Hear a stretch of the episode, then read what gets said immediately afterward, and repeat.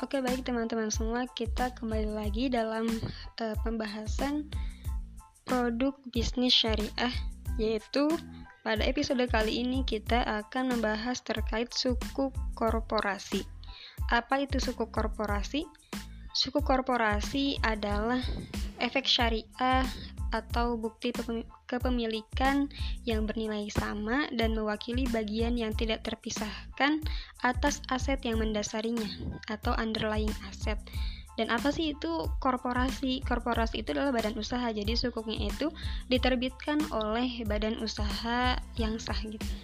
Kemudian uh, underlying aset yang digunakan dalam penerbitan sukuk itu dapat terdiri atas Pertama, aset berwujud tertentu, kemudian yang kedua eh, bisa juga berupa eh, nilai manfaat atas aset berwujud tertentu baik yang sudah ada maupun yang akan ada.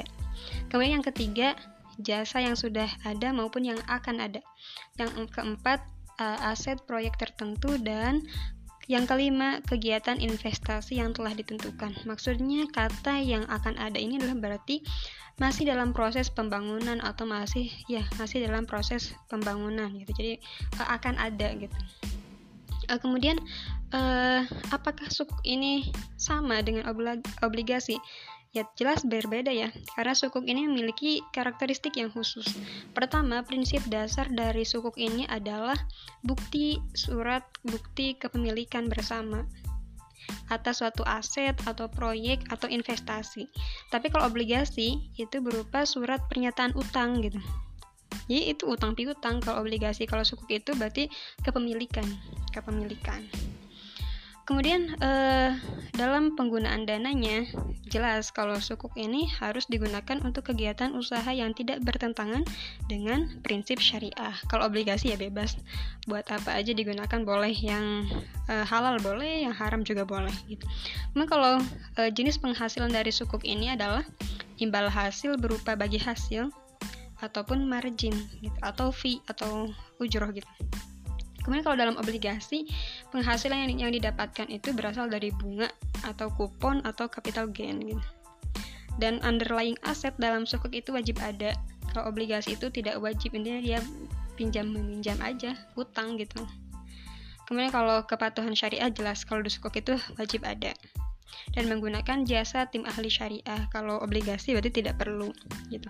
Nah, dalam uh, suku korporasi ini sampai saat ini ya, penerbitan sukuk di Indonesia itu baru menggunakan dua akad. Pertama, akad ijaroh, sewa menyewa, dan akad mendorobah atau kerjasama bagi hasil.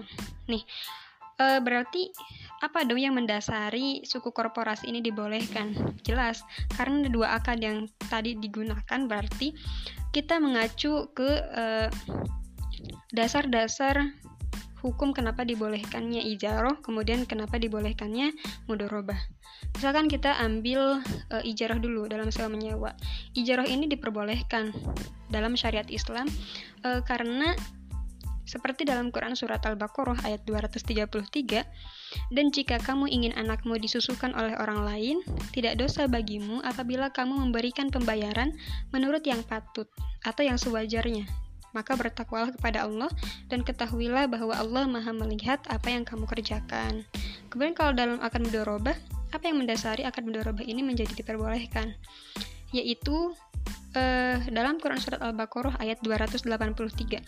Maka jika sebagian kamu mempercayai sebagian yang lain, hendaklah yang dipercayai itu menunaikan amanatnya, dan hendaklah ia bertakwa kepada Allah sebagai Tuhannya.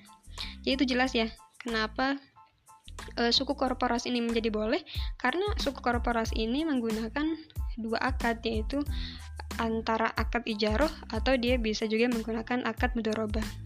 Bagaimana contoh kasus atau uh, ya contoh kasus uh, dalam suku korporasi ini? Pertama, dalam penerbitan sukuk. Misalkan ada investor namanya uh, Ibu Aminah. Ibu Aminah ini sebagai investor, kemudian ada sebuah aset atau proyek yang menerbitkan surat berharga atau sukuk.